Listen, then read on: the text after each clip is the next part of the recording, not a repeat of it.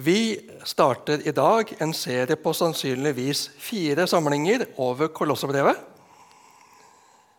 Sånn eh, en økt, en kaffepause. Deilig å kunne drikke kaffe sammen igjen i Misjonshuset. Så det skal vi ta oss tid til. Og så en økt til. Så skal vi være ferdig senest ni. Kan godt hende det blir litt før. Vi får se.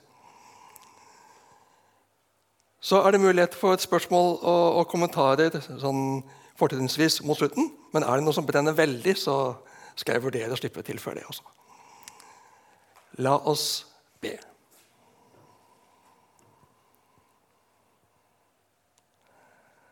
Himmelske Far, Herre Jesus Kristus, Hellige Ånd. Takk for at vi får kjenne deg. Takk for at du vil ha med oss å gjøre. Du til og med elsker oss, og du vil lede oss gjennom livet til vi står frelst og fri hjemme hos deg i herlighet.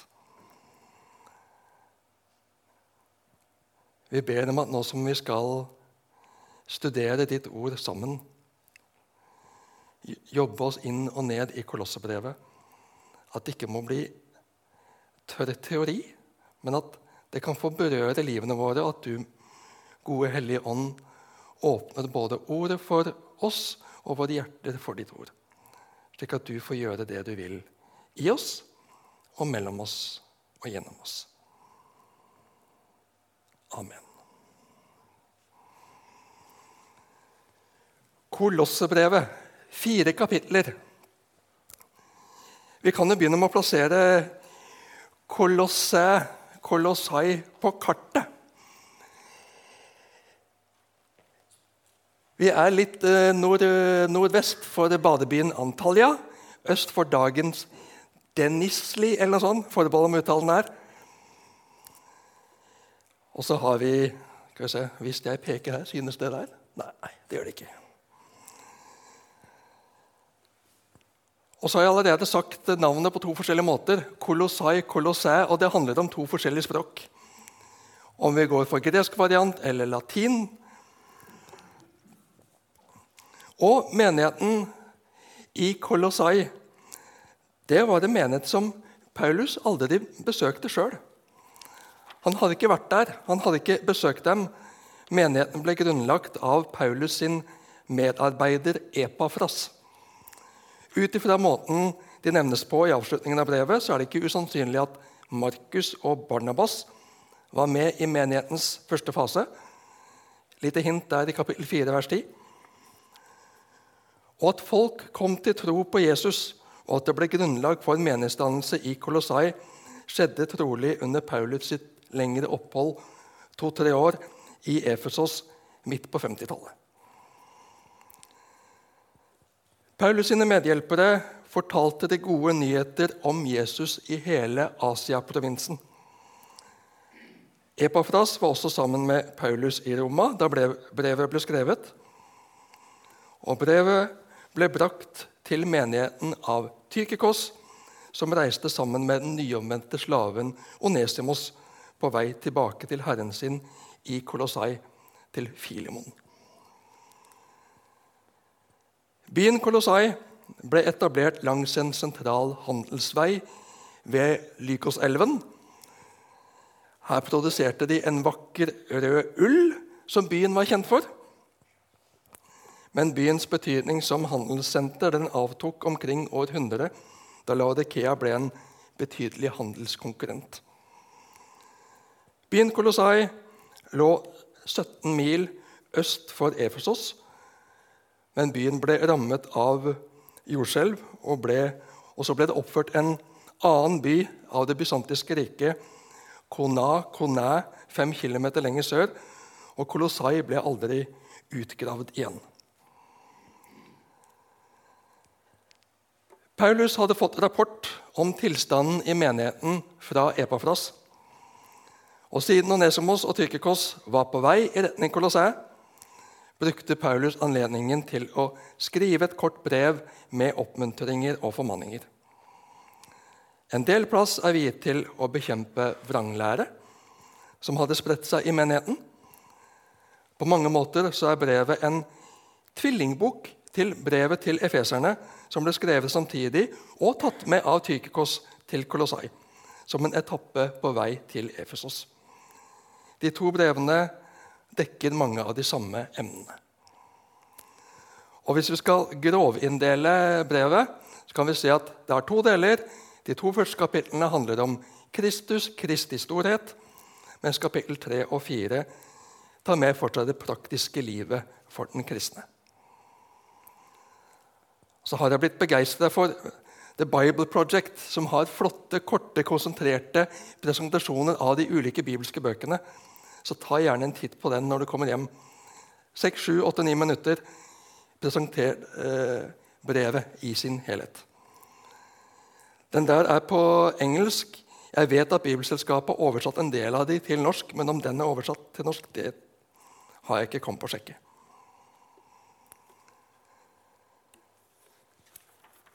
Før vi går inn i selve bibelteksten, noen overordnede temaer i Kolossebrevet.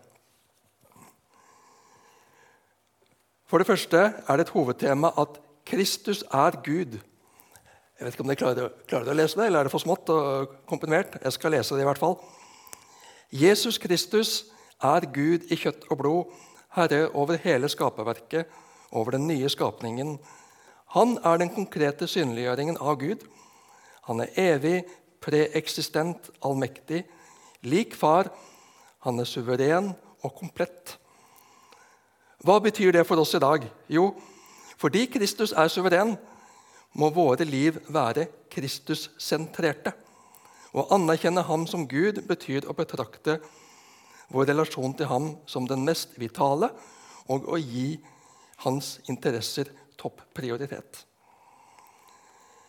Kristus er Gud, og da ligger det jo også i kortene at Kristus er kirkens hode, men det gjøres også et poeng av i brevet.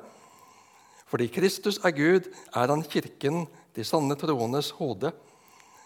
Kristus er grunnlegger, han er leder og den høyeste autoritet på jord. Han skal ha førsteplassen i alle våre tanker og aktiviteter. Det betyr å anerkjenne Kristus som kirkens hode betyr å ønske hans lederskap velkommen i alt vi tenker, er og gjør. Ingen enkeltkristen, ingen gruppe eller menighet kan være mer lojal til noen annen enn til Kristus. Og så er Paulus i Kolosserbrevet opptatt av den enheten vi har med Kristus. Fordi våre synder er blitt tilgitt, og vi har blitt forsonet med Gud, har vi en enhet med Kristus som aldri må bli brutt. I vår trosrelasjon med ham identifiserer vi oss med hans død og oppstandelse. Og Det er noe som kommer tilbake til igjen og igjen gjennom brevet. Vi skal leve i en konstant forbindelse og kommunikasjon med Gud. Slik blir vi forent med Kristus og hverandre. Og det siste hovedtemaet om menneskelaget religion. Falske lærere fremmet selvpålagte regler inn mot menigheten og ville villede, eller i praksis villedet menigheten gjennom det. De søkte åndelig vekst gjennom disiplinering av kroppen, altså askese, og gjennom mystiske syn, mystiske visjoner. Og Denne søken skapte en type selvsentrerthet og en selvsentrert stolthet. Må, det betyr for oss vi må ikke holde fast på egne ideer og prøve å forene dem med kristendom. Vi skal heller ikke la vår hunger etter mer åndelig erfaring gjøre at vi stoler på en lærer, stoler på en gruppe og et tankesystem mer enn på Kristus selv. Kristus er vårt håp og vår sanne kilde til visdom. Det til innledning. Da begynner vi å lese oss gjennom Kolossebrevet bit for bit.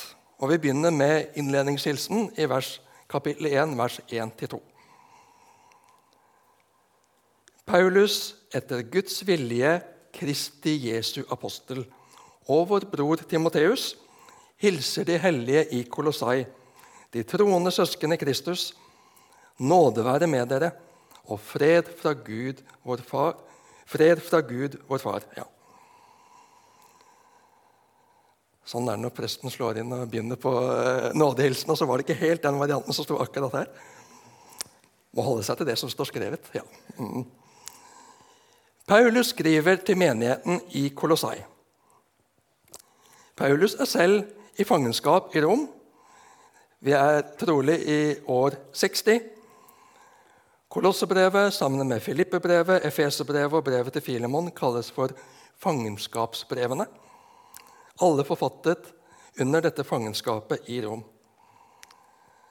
Så kan vi kanskje se for oss en fengselscelle når vi hører at han var i fangenskap men Paulus var nok mer i en type husarrest med streng bevåkning.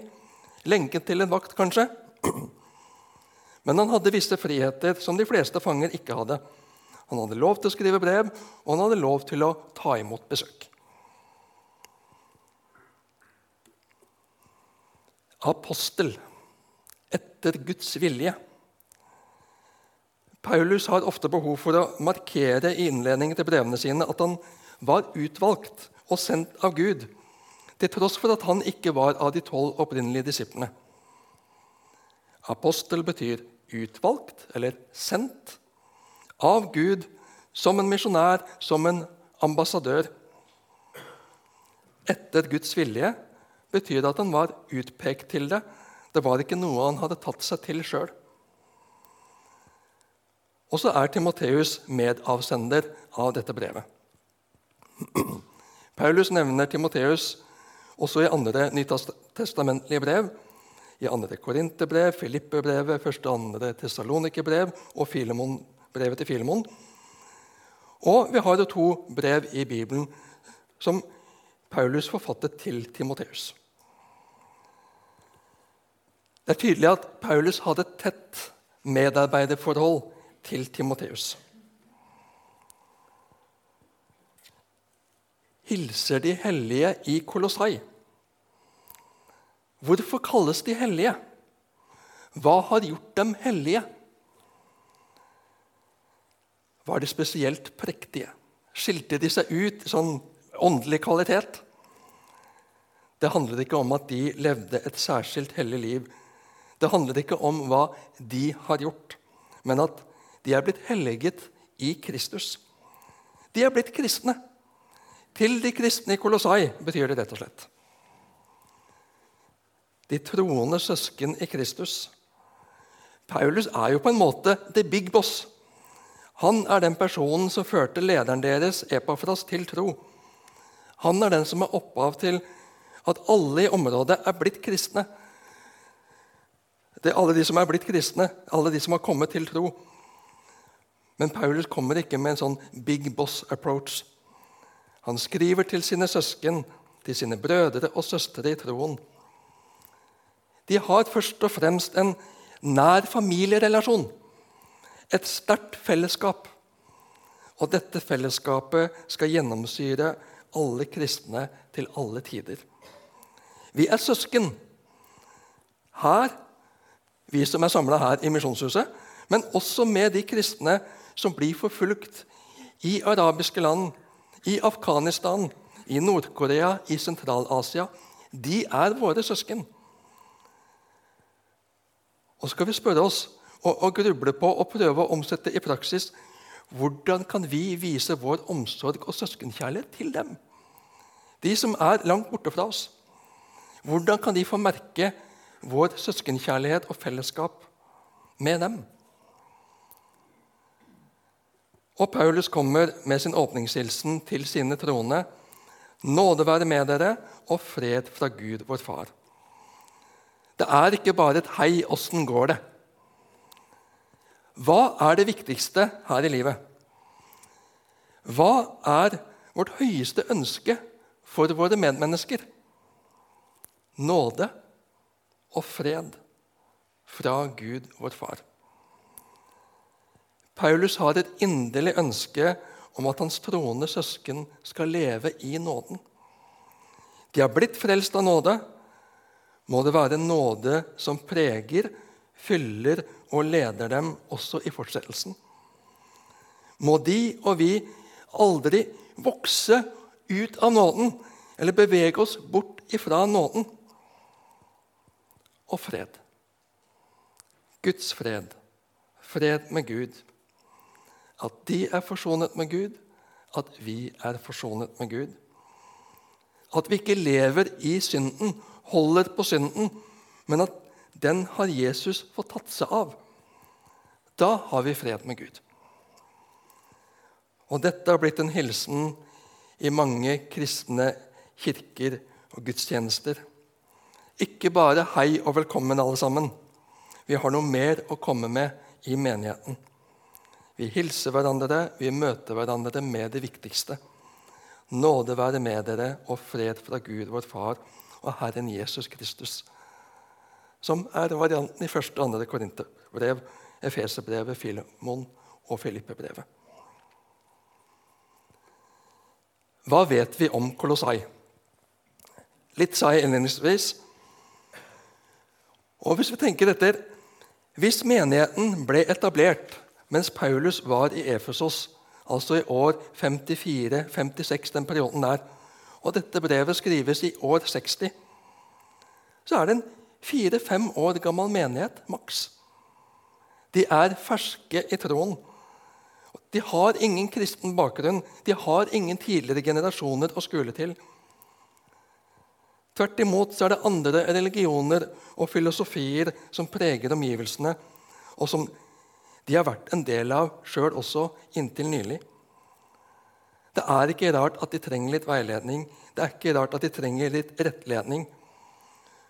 Og når Paulus ikke kan, kan komme til dem selv, så sender han et brev med Tykikos som skal den veien. Som jeg sa, Kolossai er ikke gravd ut. Så det, er lite, lite, å se ifra den kristne tid der. Det er noen hauger og noen jorder. Og jeg måtte ta med skrytebildet. Jeg har vært der. Ja. Vi var på studietur eh, med prestene i Hallingdal i 2015, ledet av Bjørn Helge Sandvei. En flott kar som hadde mye å formidle og dele.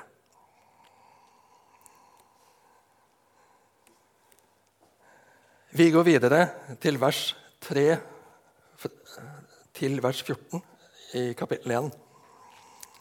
Vi takker alltid Gud, vår Herre Jesu Kristi Far, når vi ber for dere. For vi har fått høre om deres tro på Kristus Jesus og om kjærligheten dere har til alle de hellige, på grunn av håpet som venter dere i himmelen. Dere har nå fått høre om dette gjennom sannhetens ord, evangeliet som er kommet til dere. Som i hele verden ellers har evangeliet båret frykt og utbredt seg også hos dere, helt fra den dag dere fikk høre det og lærte Guds sanne nåde å kjenne. Det var dette dere fikk lære av vår kjære medarbeider Epafras, som er en trofast Kristi tjener for dere. Han har også fortalt oss om kjærligheten dere har i Ånden. Paulus møter menigheten med takk og med forbønn. Etter innledende hilsener så legger Paulus vekt på takk. Det var mye bra i menigheten, og det er det viktig for Paulus å bekrefte og heie på og takke for. Det er fantastisk å høre hvordan dere har kommet til tro på Herren Jesus Kristus. Vi takker og ber for dere. Igjen så bekreftes fellesskapet mellom kristne, mellom troende, uavhengig av geografisk avstand. En gleder seg over det gode hos hverandre og ber for hverandre. Det er viktig at vi ikke ser på andre menigheter som vi ikke selv har direkte kontakt med, som konkurrenter, eller ser ned på dem. De er våre søsken. Vi skal heie på hverandre og vi skal be for hverandre, også om vi ikke er helt enige om alt. Det er vi for så vidt ikke med våre nærmeste ellers heller. Om det er i menighet. Vi er ikke 100% enige om alt i Misjonshuset engang. Og ikke i vår biologiske familie, for den saks skyld. Men be for hverandre og glede seg med hverandre og heie på hverandre. Det skal vi legge vekt på. Og Paulus bekrefter Kolossai-menigheten før han rettleder dem. De må få kjenne hans hjerte for dem. For at de skal være mottagelige for det som kommer av veiledning og tilrettevisning. De må skjønne at han vil dem vel, at han er glad i dem. At han ikke er en sær kontrollfrik som bare vil ha makt over dem.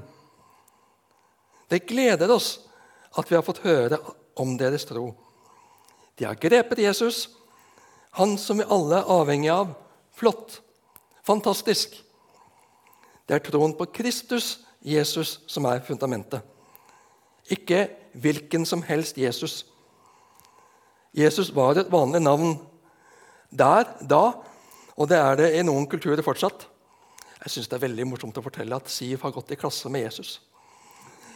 På språkskole i Hvitby. Det vil si, læreren presiserte da før han kom, at nå er det viktig at dere ikke tuller med navnet hans. og det, På spansk er det 'Jesus' eller noe i den døren der. Ikke 'Jesus'. Mm. Men et vanlig navn i mange kulturer også i dag. Men her er det ikke hvem som helst Jesus. Det er Jesus Kristus, den salvede. Jesus, den lovede. Denne Jesus er ham som det er profetert om i Det gamle testamentet. Han er Messias, han som skal komme og frelse sitt folk. Ja, ikke bare det utvalgte jødiske folket, men gjennom dem bli til frelse for alle folkeslag. Det er ham troen er forankret i. Det handler om tillit til ham, det Jesus Kristus har gjort og er. Til tross for vranglære som truer, så har de forankret sin tro og sitt liv i Jesus Kristus. Det ligger nok under at han skal komme til hvordan de på sett og vis har forlatt troen, eller gitt andre ting en slik plass at troen ikke får stå i sin frihet, og dermed utfordre troens liv og utfordre troens gyldighet i dem. Men nå vil han først bekrefte den gode starten. Troen, troen har sprunget ut i kjærlighet til de hellige. Troen har fått naturlige følger. Den har fått konsekvenser. Den har båret frukter i de kristnes liv. Troen er ikke tørr teori. Det er ikke bare en greie i hodet som ikke har fått forbindelse med livet ellers. De har fått et nytt hjerte til hverandre, et nytt samhold, en ny tilhørighet, en kjærlighet til hverandre som troende, som hellige i Kristus. Grunnen til kjærligheten er håpet som venter dere i himmelen. Denne kjærligheten er født i dem ved det håpet som de har fått, som igjen er født i dem ved troen på Jesus. Altså det hele hviler på Jesus. Jeg har fått forankre mitt liv i Jesus. Det gir meg perspektiv over livet. Jeg lever ikke bare for dette her. Jeg har et håp om noe veldig mye bedre der framme. Himmelhåpet. Og det gir meg en ny energi. Det gir meg en ny motivasjon, en drivkraft, også i livet her. En kjærlighet til de rundt meg, ikke minst mine søsken i troen. Vi har fått del i noe fantastisk sammen. En fantastisk gave, et fantastisk mål for livet. Ikke et fjernt mål, ikke noe jeg kan nå om jeg tyner meg til det ytterste og har litt flaks. Nei, det er et mål jeg kan være trygg på å nå. Ikke en fjern forhåpning. Livet er ikke et krav om å oppnå, et krav om å få til, om å lykkes, etterstrebe en frelse, etterstrebe en utfrielse, etterstrebe noe bedre enn dette. Nei, livet har nå fått en helt ny hvile. En helt ny trygghet, en fred. For jeg har fått et håp. En forvissning om noe godt som venter meg der framme. Og jeg lengter etter det. Jeg har en lengsel og god forventning til det jeg skal få del i der framme. Og La oss se litt nærmere på de to begrepene håp og himmel. Håp kommer av elpis på gresk. Og I det så ligger det en trygg forventning. I det norske språket kan det være mer øh, vag, fjern ønsketenkning opp mot urealistisk drøm, kanskje. Jeg håpet kanskje, muligens. Nei, håpsbegrepet her det er en trygg forventning, en trygg forvissning. Kolosserne har dette håpet pga. sin forening med Kristus, som vi ser i 1.27. De er befridd fra døden og syndens evige konsekvenser og har nå fått del i Kristuslivet, oppstandelse og herlighet.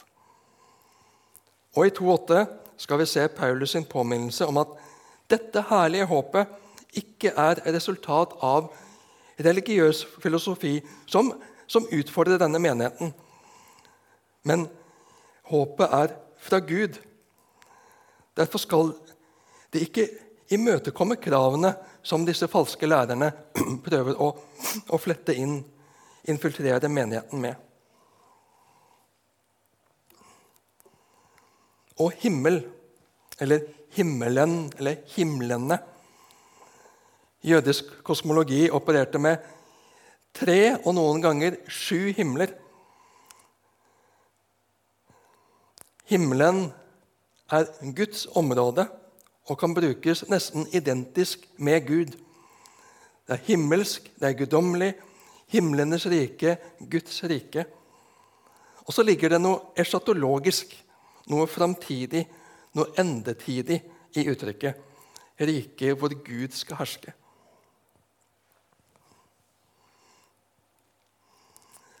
venter. I New International Version så står det Hope that is stored up for you in, in heaven. Hope that is stored up for you in heaven. Det er ikke noe usikkert. Det er ikke noe kanskje. Det er ikke noe hvis vi er heldige. Det står fast. Det er sikret. Det er lagret der. Og Som det står i 1. Peter 1, 3-5 Lovet være Gud, vår Herre Jesu Kristi Far, Han som i sin rike miskunn har født oss på ny til et levende håp ved Jesu Kristi oppstandelse fra de døde, til en arv som aldri forgår, aldri skitnes til og aldri visner. Den er gjemt i himmelen for dere, dere som i Guds kraft blir bevart ved tro, så dere når fram til frelsen. Den ligger alt ferdig til å bli åpenbart ved tidens ende. Vi behøver ikke å bruke energi på å lure på det eller streve for å sikre himmelplassen. Når vi vet at vår framtidsdestinasjon er på plass og frelsen sikker, da er vi frie. Og da har vi krefter, overskudd og oppmerksomhet fri til å leve for Kristus og til å leve for andre så kan vi, når vi begynner å virre målløst og hvileløst omkring, og ikke helt vet hva vi skal gjøre, eller hvilken retning livet skal ta, minne oss selv på målet med livet som står fast. Jeg skal til himmelen. Jeg skal til Gud, til Guds rike, og Jesus er veien dit. Og Da har vi to orienteringspunkter i livet som vi kan orientere resten av livet ut ifra. Jeg må ikke gjøre valg i livet som gjør at jeg mister kursen for hvor jeg skal. Målet for livet. Penger, makt, suksess, venner er viktige og gode ting i livet. Men hvis de blir hele fokuset og målet i seg selv, da har jeg mistet mitt egentlige mål for øyet. Da må jeg løfte blikket, feste det på målet og gå i den retningen igjen. Og for det andre må jeg ikke innrette meg slik i livet at jeg bryter forbindelsen med Jesus, som er min frelse. Velger jeg å leve i synd, så lever jeg i konflikt med Jesus og vil miste forbindelsen med ham om jeg ikke lar synden miste lederrollen i livet mitt. Jeg vet hvor jeg skal, og jeg vet hvordan, dvs. Si gjennom hvem jeg kommer dit. Det er to gode orienteringspunkter for å ikke falle fra troen og bomme på himmelmålet.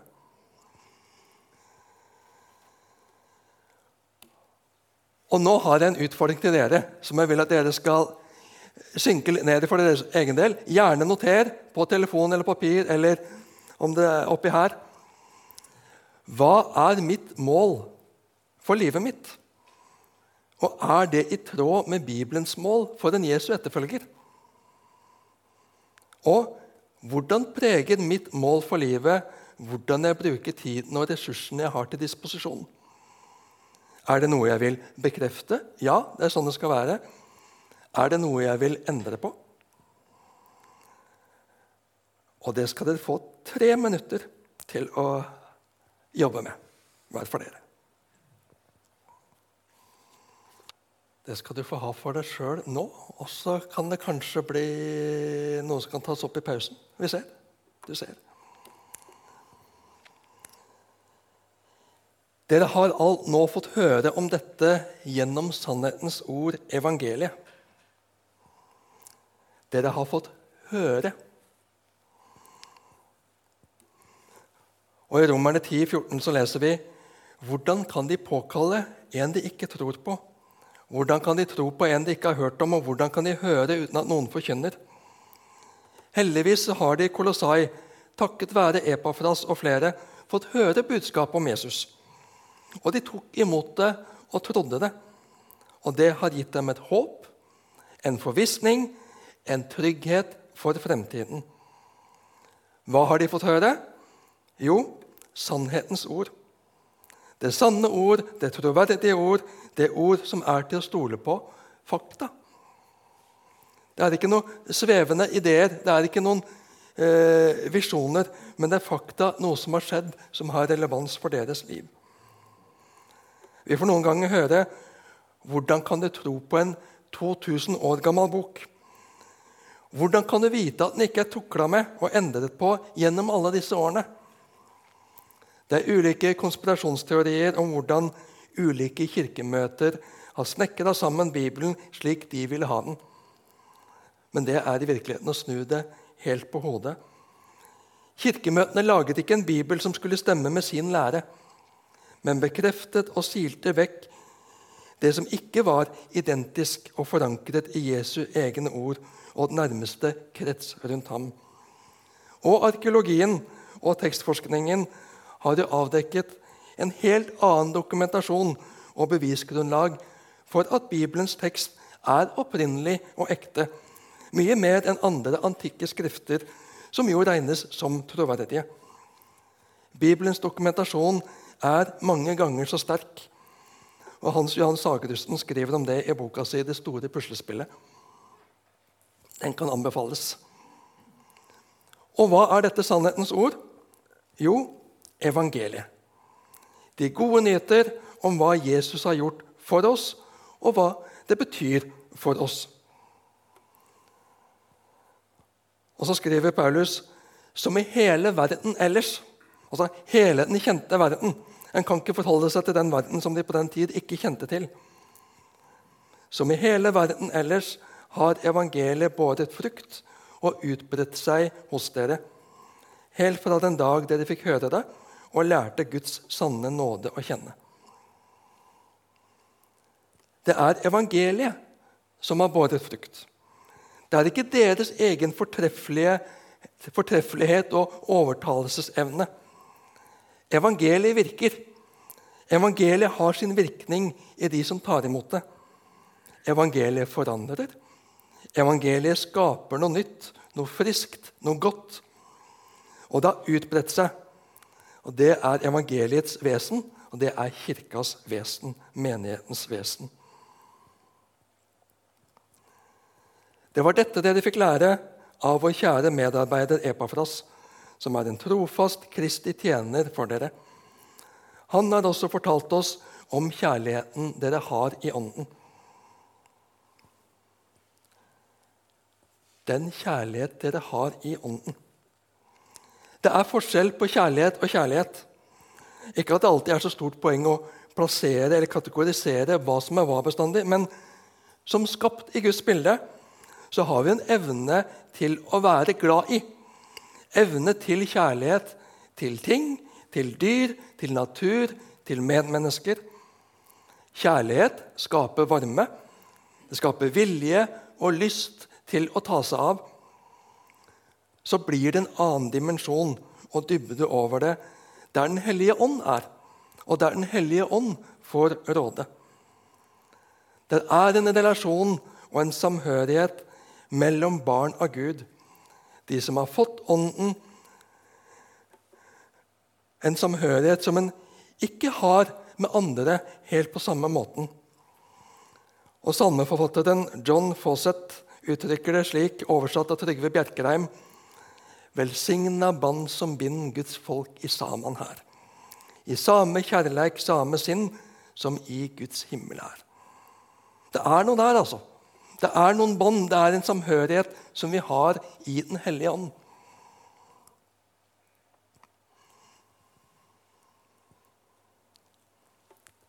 Fra den dag dere fikk høre dette, har vi ikke holdt opp med å be for dere. Vi ber om at dere må bli fylt av kunnskap om Guds vilje og få all den visdom og innsikt som Ånden gir. Da kan dere leve et liv som er Herren verdig, og som helt og fullt er til glede for Ham, så dere bærer frukt i all god gjerning og vokser i kjennskap til Gud. Kraften fra Hans herlighet skal gi dere styrke, så dere alltid er utholdende og tålmodige. Med glede skal dere takke Far, som satte dere i stand til å få del i de helliges arv i lyset. For Han har fridd oss ut av mørkets makt og ført oss over i sin elskede Sønns rike. I ham er vi kjøpt fri og har fått tilgivelse for syndene. Det er glede og begeistring og omsorg som preger Paulus når han skriver innledningen i brevet. Menigheten i Kolossai har vært villig til å lytte til budskapet Epafras kom med. De har tatt imot det, ja, tatt imot Jesus som frelser. De har blitt en del av Jesu disippelflokk, og det har født i Paulus en spesiell omsorg for dem. Han som kom med evangeliet til området, og som får oppleve at det sprer seg gjennom de, de han delte evangeliet med. Så er det ikke slik at bare en har fått dem frelst, så er jobben gjort. Så er alt greit. Overlate dem til seg selv og gå videre. Det må ikke bare bli et blaff. En god mottagelse, en omvendelse og frelse men de må bli bevart i det de har tatt imot. De må ikke bli ledet vill. Den gode spiren må ikke bli røsket opp, kastet bort og dø. De trenger kunnskap. Ved å forstå vil de kunne forholde seg til omgivelsene i forhold til sin nyvunnede tro. Vi ber om at dere må bli fylt av kunnskap om Guds vilje og få all den visdom og innsikt som Ånden gir. Den hellige ånd skal lede også dem, slik han leder Paulus og Epafras. Men Den hellige ånd virker ikke ut av det blå. Han formidler ikke tanker, ord og bilder bare ut av ingenting. Den hellige ånds vilje er ett med Faderens vilje. Menigheten trenger å få kunnskap om Guds vilje. De trenger å bli ført inn i Guds sannheter, inn i Guds ord. Og når det blir forklart og åpenbart ved Den hellige ånd, da vil det gi visdom og innsikt. Kunnskap kan være teori for hodet, men når Den hellige ånd får vise oss hva det betyr for livet mitt på det indre plan og i møte med mine omgivelser, da blir det visdom og innsikt og praktisk veiledning og veikart for livet. For dem den gang da, og for oss i dag. Da kan dere leve et liv som er Herren verdig, og som helt og fullt er til glede for ham, så dere bærer frukt i all god gjerning og vokser i kjennskap til Gud. Hva betyr det og hva vil det si å leve et liv som er Herren verdig? Bruk 30 sekunder. Tenk og noter. Hva betyr det å leve et liv som er Herren verdig?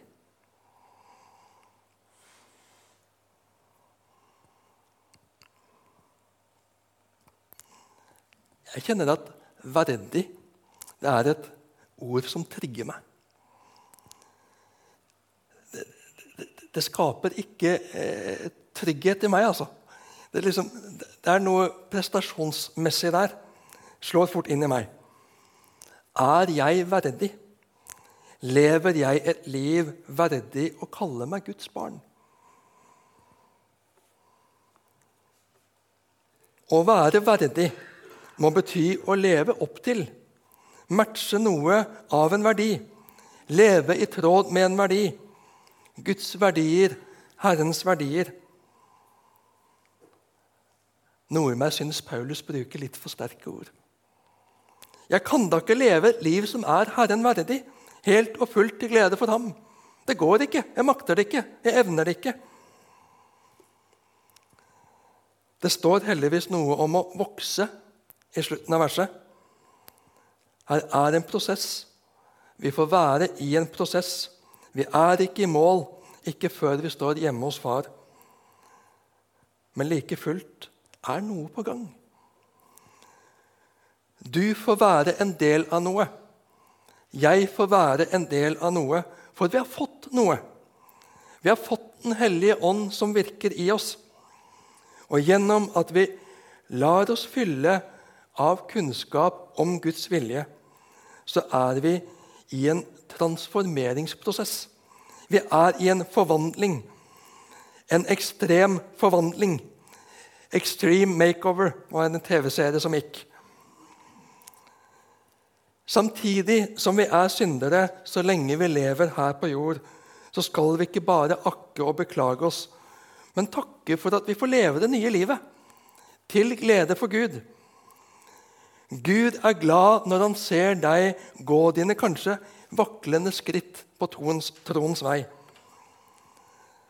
Akkurat som foreldre gleder seg over å se barn lære å gå, lære å snakke, mestre ting selv, sykle uten støttehjul, flytte ut, begynne å studere gifte seg og få egne barn, kanskje. Som far må jeg erkjenne at jeg kan være usikker og spent og bekymret for barna mine. Ofte er bekymringen ubegrunnet. De klarer seg jo så bra, bare de får lov til å prøve seg på egen hånd. Gud, vår far, gleder seg også over å se sine barn vokse i tro og liv. Se at Ånden får vinne skikkelse i dem, i oss, og at livet bærer preg av det. Livet bærer frukt i all god gjerning, og vi vokser i kjennskap til Gud. La du merke til at det går fra kunnskap om Guds vilje til kjennskap i Gud. Og det er denne transformeringen det ytre som vi tar inn, kunnskap om Guds vilje, som får fylle og prege og forme oss, slik at vi vokser nærmere Gud. Vi har ikke bare kunnskap om Gud, men vi kjenner ham. Vi får vokse i relasjon til ham. Han blir nærmere og nærmere for oss. Mer og mer fortrolig. Du er min far, og jeg er ditt barn nærhet, fortrolighet, trygghet. Og ut av det, ut av livsforbindelsen, bærer det helt naturlig og selvfølgelig frukt i all god gjerning. Det er ikke grenser for alle gode gjerninger. Det handler ikke om å gjøre det og det og det. Det handler ikke om å oppfylle en sjekkliste for å være kristen, for å være åndsfylt eller godkjent eller god nok. Det er en ny ånd, en ny spirit, en ny holdning og drivkraft i meg som vil være å gjøre godt for mine omgivelser. Jeg er blitt ny.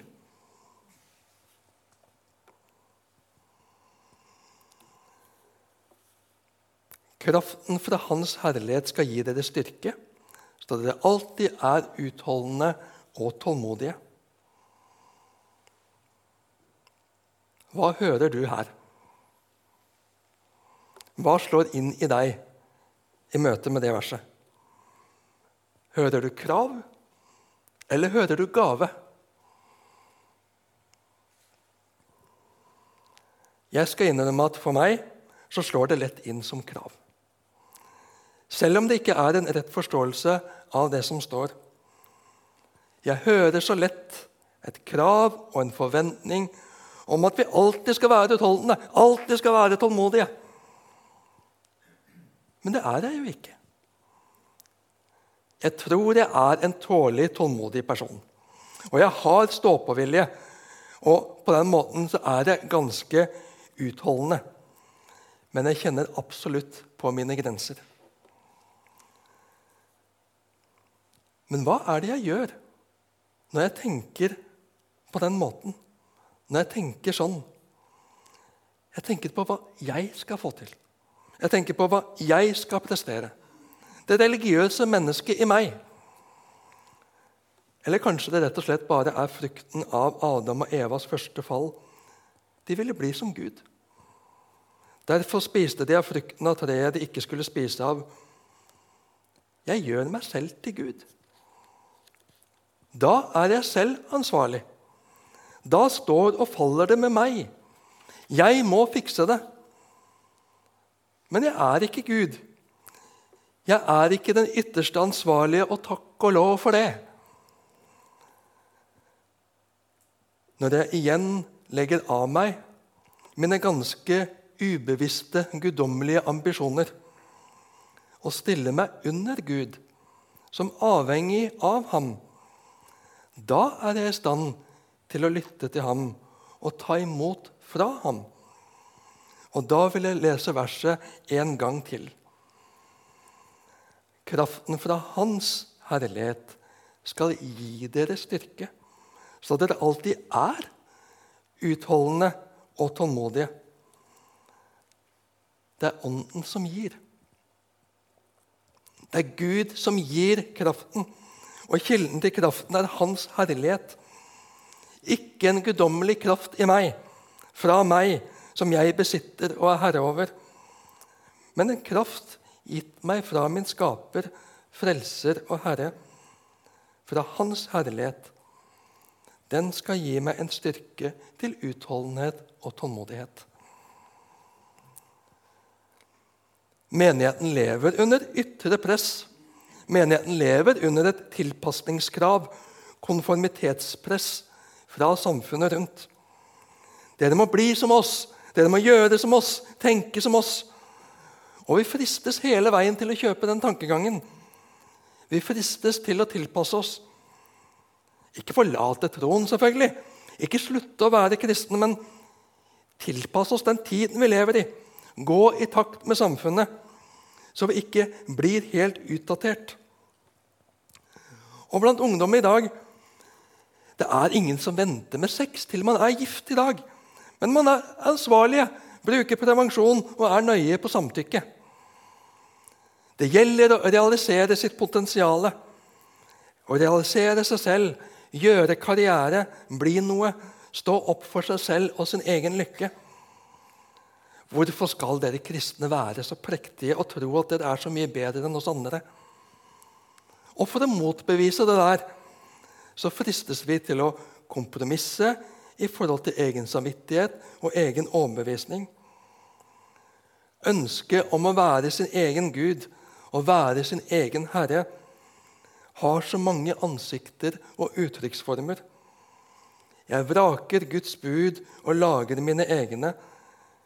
Men i virkeligheten så gjør jeg mine omgivelser til min Gud. For jeg makter ikke selv å være Gud.